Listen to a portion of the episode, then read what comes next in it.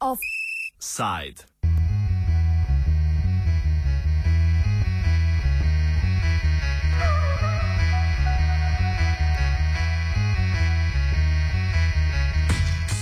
Drago poslušalstvo, ni razloga za paniko. Podatek o rasti števila brezposelnih v minulem mesecu ni presenetljiv, saj je pač ta pojav značilen za vsakoleten zaključek študijskega leta, ko zavod za zaposlovanje okupirajo sveži diplomiranci in sfalirani študenti.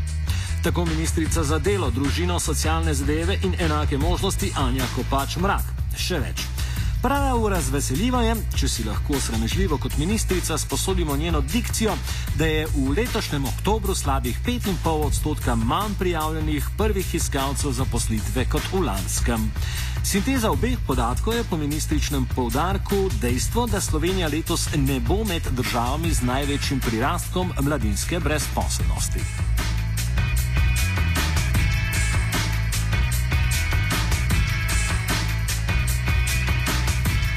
Do konca naslednjega leta bo v spopadanju z brezposobnostjo mladih na voljo tudi ta mesec menda uveljavljen ukrep.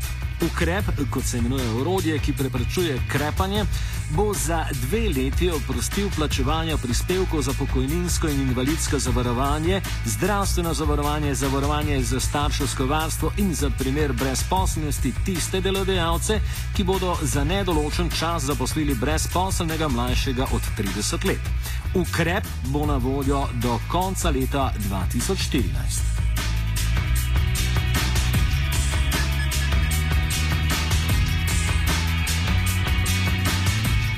Vsem dobrim eh, obetom ministrice na vkljub ostaja dejstvo, da vsi brezposelni mladi ne bodo deležni aktivnejše pomoči države in da obstajajo tudi malce starejši brezposelni od 30 let. Recimo 30 let in pol star brezposelnež se v pričakovanju ponujanja roke lahko obriše pod nosom. Še vedno mu preostaja možnost, da skupaj s preostankom svojih možganov odide v tujino in si tam poskuša zagotoviti slovensko povprečje presegajočo eksistenco. Možnih destinacij je več, veliko jih je znotraj Evropske unije, kjer recimo razgradnja državne blaginje še čaka na eksperimentalne izsledke iz neoliberalnega laboratorija z juga celine.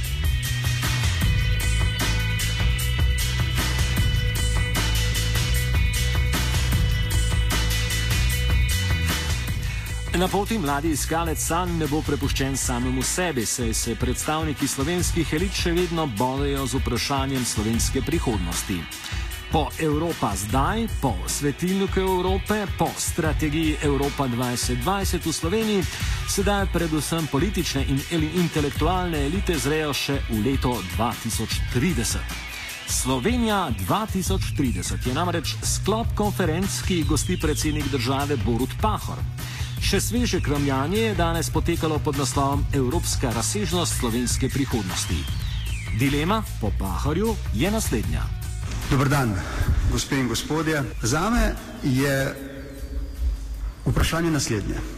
Če predpostavimo, glede na lok razvoja evropske ideje od ustanovitve evropskih skupnosti pa do Evropske unije, ki temelji na Lizbonski pogodbi, če ta lok do neke mere uh, omogoča uh, zaključek, da se bo Evropska unija še naprej spreminjala, potem mislim, da seveda črno-belo ima dve glavni alternativi teh sprememb. Ena je zelo globoka politična unija.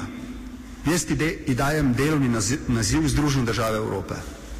Druga alternativa, pravno zelo črno-belo, je zaton evropske ideje in vrnitev starega kontinenta v razmere, ki si jih nihče ne želi. Oživitev starih eh, tren, eh, starih in novih eh, problemov, ki bi vodile do eh, nečesa, kar slo Slovenci in Evropejci jemljamo za samoumevno. In to je mir na našem kontinentu in tudi blaginja. Seveda, in to pričakujem, da bo razprava pokazala, pa je vmes seveda niz odtenkov sive, če tako rečem, ki so prav tako lahko seveda možnosti razvoja evropske ideje v naslednjih letih. In tukaj vas bi rad vprašal, ali in koliko kdo od vas želi, glede na svoje izkušnje, glede na uh, svoje videnje, premislek o preteklosti in z tega vidika o prihodnosti Evropske unije pokazati, v katero smer se vtegne po njegovem mnenju razvijati evropska ideja in kje in kako naj bo Slovenija zraven, da ostane sestavni del tega velikega projekta. Uh, za, doktorju, uh, za doktorja Žiga Turka sem se odločil za to, ker je bil dve leti oziroma tri generalni sekretar skupine za razmislek o prihodnosti Evropske unije. Ali je dovolj Slovenije v Evropi? Kakšen odnos imamo mi kot država in mi kot politika do Brusla? Ali je dovolj Evrope v Sloveniji? Namreč, ali smo mi postali dovolj evropski? Ali smo tisto, čemu nekako idealizirano pravimo Evropa? Ali smo pravzaprav še vedno ostali nekje tam v nekem bolj za Azijo tipičnem kolektivizmu? Potem je vprašanje, ali je dovolj Evrope v Evropi oziroma Evropske unije v Evropski uniji in kaj pravzaprav ti dve besedi pomenita. Ali je kakšna razlika med EM, Evropo, idejo in unijo, bom rekel, mehanizmi, inštitucijami, načinom reševanja problemov. In seveda končno, ali vizijo sploh potrebujemo ali ni morda pametno prisluhniti argumentom Poperja, ki pravi, da so vizije za politiko škodljive.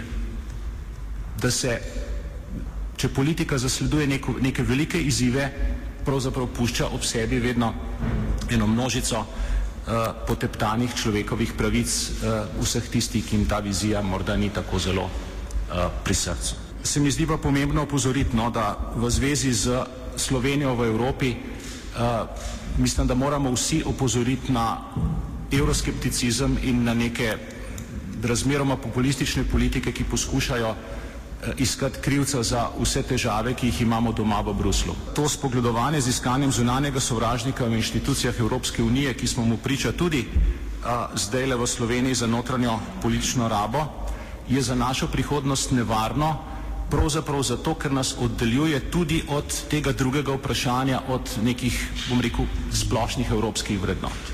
Uh, kolega Petrle. Torej, mislim, da je naša kriza deloma ali pa predvsem povzročena tudi s tem, da nismo v celoti sprejeli eh, načel in pravil, eh, za katere smo se zavezali, pa tudi ne tistih, ki smo jih že sami sooblikovali oziroma za, za njih glasovali. In jaz mislim, da je ključen del evropske krize ni bil povzročen s globalno finančno krizo, ampak z nespoštovanjem naših lastnih pravil oziroma zavez. In tisti, ki, so, ki imajo višji status pravne države in so se tudi prej odločili za reforme kot Švedska, Nemčija in Finska in še katera država, so pokazale močno odpornost na to krizo, so danes v črnih številkah eh, eh, in, in jim gre v isti Evropski zvezi, soočeni z isto krizo, drugače kot eh, recimo južnemu krilu. Ko gledam v Slovenijo oziroma spremljam euroskepticizem celo v nekaterih vladnih strankah, moram reči, da imamo občutek v Bruslju eh, precej drugačen. In bom dal za to dva argumenta oziroma dve dejstvi. Dejstvo, da se je kot del odgovora na to krizo oziroma kot volja do preprečitve podobnih krizov vendar začela postavljati bančna unija, kljub vsem težavam, je zame en močan izraz eh, integracijske volje, Eh, ki ne bo imel samo posledic na gospodarskem, ampak nedvomno tudi na političnem področju. Eh, besedo bi dal sicer kolegu Kocinu, razen če ste profesor Svetljič mislil, kaj mm, se konkretno kratko obregam to nastop kolega eh, Peter Leta. Kratko, prosim. Glede na bodočo ustavo, po mojem mnenju, je Evropa veliko preveč preokupirana z pisanjem različnih dokumentov, ki se potem ne implementirajo in to je eden od največjih naglavnih grehov. Zato mislim, da je prava smer v prihodnje, jaz bom kar rekel, nekaj kar je približno ameriška ustava. Temeljni principi, ne pa 195 tisoč členov, če malo karikiram, ki skušajo v tem nepredvidljivem, volatilnem svetu vse vnaprej sankcionirati, predvideti, kar je pa nemogoče. Skratka, treba je narediti uh, uh, dokument, ki bo na dolgi rok držal Evropo skupaj in ki bo omogočal istočasno ustreznim inštitucijam znotraj Evropske unije fleksibilno in hitro odzivanje na te tektonske spremembe v svetu.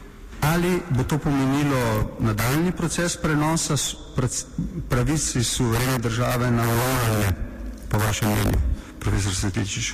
Da ali ne? Ne. Ne. E, gospod Kacin.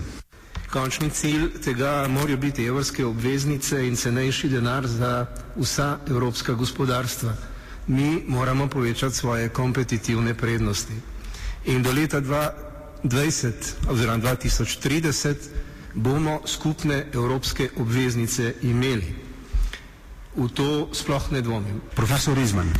No, če odgovorim na dosedanjo diskusijo oziroma se navežem na to dosedanjo diskusijo, potem bom popolnoma nedvomno rekel, da je Bruselj del problema in, del, in ne del rešitve tistega, kar tiste smeri, v katero bi se morala razvijati Evropa. Mislim, da se je izteko, ta, iztekel ta rok uporabnosti, eh, ki se navezuje na elitistični model politike v Evropski uniji. Doslej je Evropska unija se razvijala predvsem zahvaljujoč pobudam od zgore, iniciativam od zgore. E, žal seveda se je tu, kar je za demokracijo paradoks in nekaj neznosnega, pozabilo seveda na evropskega državljana, na pravzaprav inicijativo in tisto, kar lahko pravzaprav prispeva k neki vzdržnosti eh, evropskega projekta od spode, od ljudi. In tu seveda vsaka teorija, predvsem pa teorija tveganja, vam bo pač povedala, da ljudje ki anticipirajo katastrofe, kolapse in tu je zdaj seveda stanje, v katerem se nahajamo, v bistvu prezrejo, da se ljudje v nekem zgodovinskem trenutku pravzaprav lotijo nečesa, kar je še včeraj bilo pravzaprav nepredstavljivo.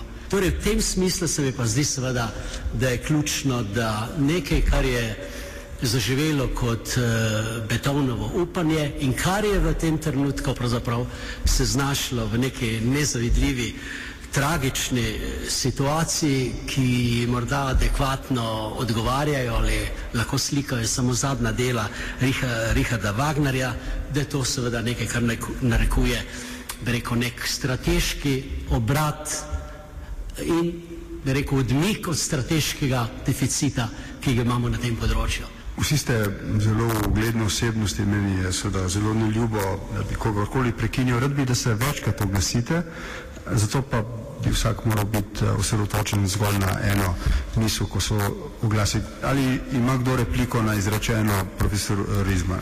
Ja, dva. Uh, profesor dr. Petrič. Prosim. Replika, ne? Kratka. Ja. Najprej, potem pa bi se. Če bi ne bilo v 50 letih politične elite, Če bi se takrat vprašalo civilno družbo, voljivce, ali želijo imeti Evropsko unijo ali nekaj podobnega, to bi padlo tako v Franciji kot v Nemčiji, pa še posod drugot.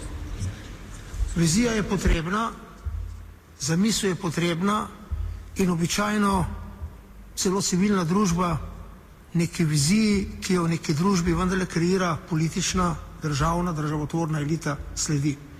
Drugo, Profesor Izman je seveda navedel številne ugledne avtorje, ki so kritični do sedanjega položaja Evrope, ampak jaz bi lahko navedel desetine avtorjev, ki pa so pohvalni. In mislim, da ni problem v tem. Problem je v tem, da mi sami vidimo, kaj to za Slovenijo pomeni, kjeri so problemi, kje mi lahko damo svoj prispevek, da se bo Evropska unija kibala v smer, ki bo tudi našemu narodu ustrezala, da ukodovimo, kje so njeni deficiti, hkrati pa da se zavedamo veličine ki jo je ta Evropa, ki jo na nek način predstavlja Evropska unija, dosegla. Mi imamo tu enormni potencial, gospodarski potencial, imamo celo vojaško moč. Ampak glavna moč je v inovativnosti, inovativnosti tega dela sveta. To je še vedno središče znanja. Tudi ti novi centri moči prihajajo k nam se razgledovati, se učiti in veliko posnemajo in veliko kopirajo. Več kot to, vse tiste silne vrednote, ki bogatijo sodobni svet, svet 21. stoletja, spoštovanje človeka, človekove pravice, enakopravnost, preprečevanje demokra, eh, dem, eh, eh, diskriminacije, pravna država in tako naprej. Proizvod česa pa te so? To so del nas, našega sveta, Evrope, ideje o miru in tako naprej. Vse to, socialna država, odkje pa je to? Varnost ljudi pri delu, varstvo okolja in tako naprej. Mi imamo strahoten potencial, samo zavedati se ga moramo in kar se tiče Slovenije, na to se bom ustavil, da ne bom naredil predsednika nervoznega. Ne? Kratka replika na profesor uh, Rizmana, gospa uh, Kleva Kekuš. Se moram odzvati na to apokaliptično napoved dr. Rizmana. Jaz mislim, da je prav, da imamo tudi take razprave. Re replika na to, kar ste pač dejali, je čista zgodovina zadnjih 15 let Evropske unije, ko je Slovenija vstopila v Evropsko unijo in vseh deset držav, kasneje pa še dodatni dve, ko smo vstopili v Evropsko unijo, se prvič pojavil, prvič pojavil razprava o Evropi dveh hitrosti. Na, začeli smo naštevati države, ki bojo na prvem vlaku, na drugem vlaku, na prvi hitrostni liniji, v drugi in to se ni zgodilo. Kaj se je zgodilo? Evropa je ostala še močnejša. Malo kasneje, v zadnjih petih letih, smo v težki gospodarski finančni krizi, ki jo doživlja Evropska unija, kjer je popolnoma cel svet napovedoval, da bo skupna valuta evro propadla, razpadla, Evropska unija bo razpadla. Po petih letih ugotavljamo, da se pogovarjamo o verjetno najbolj ambicioznem zgodovinskem projektu v EU in to je bančna unija v še poglobljenem fiskalnem, monetarnem sodelovanju držav članic Evropske unije.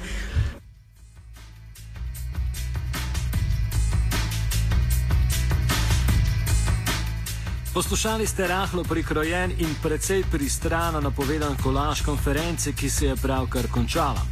Nažalost, zaradi časovne stiske nismo mogli vključiti cvetobera vseh domislic in retoričnih figur, ki so zaokrožile za pravokotno mizo. Dvomimo pa, da je bila to zadnja priložnost. Offset je pripravil tedej.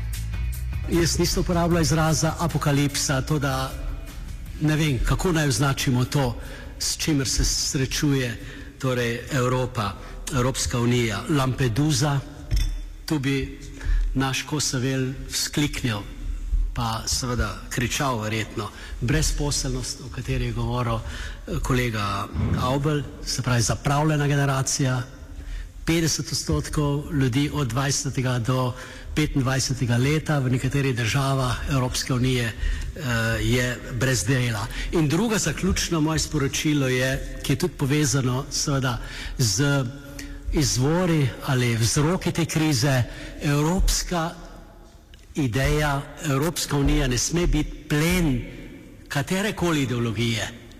V zadnjih 30 letih je bila plen neoliberalne ideologije.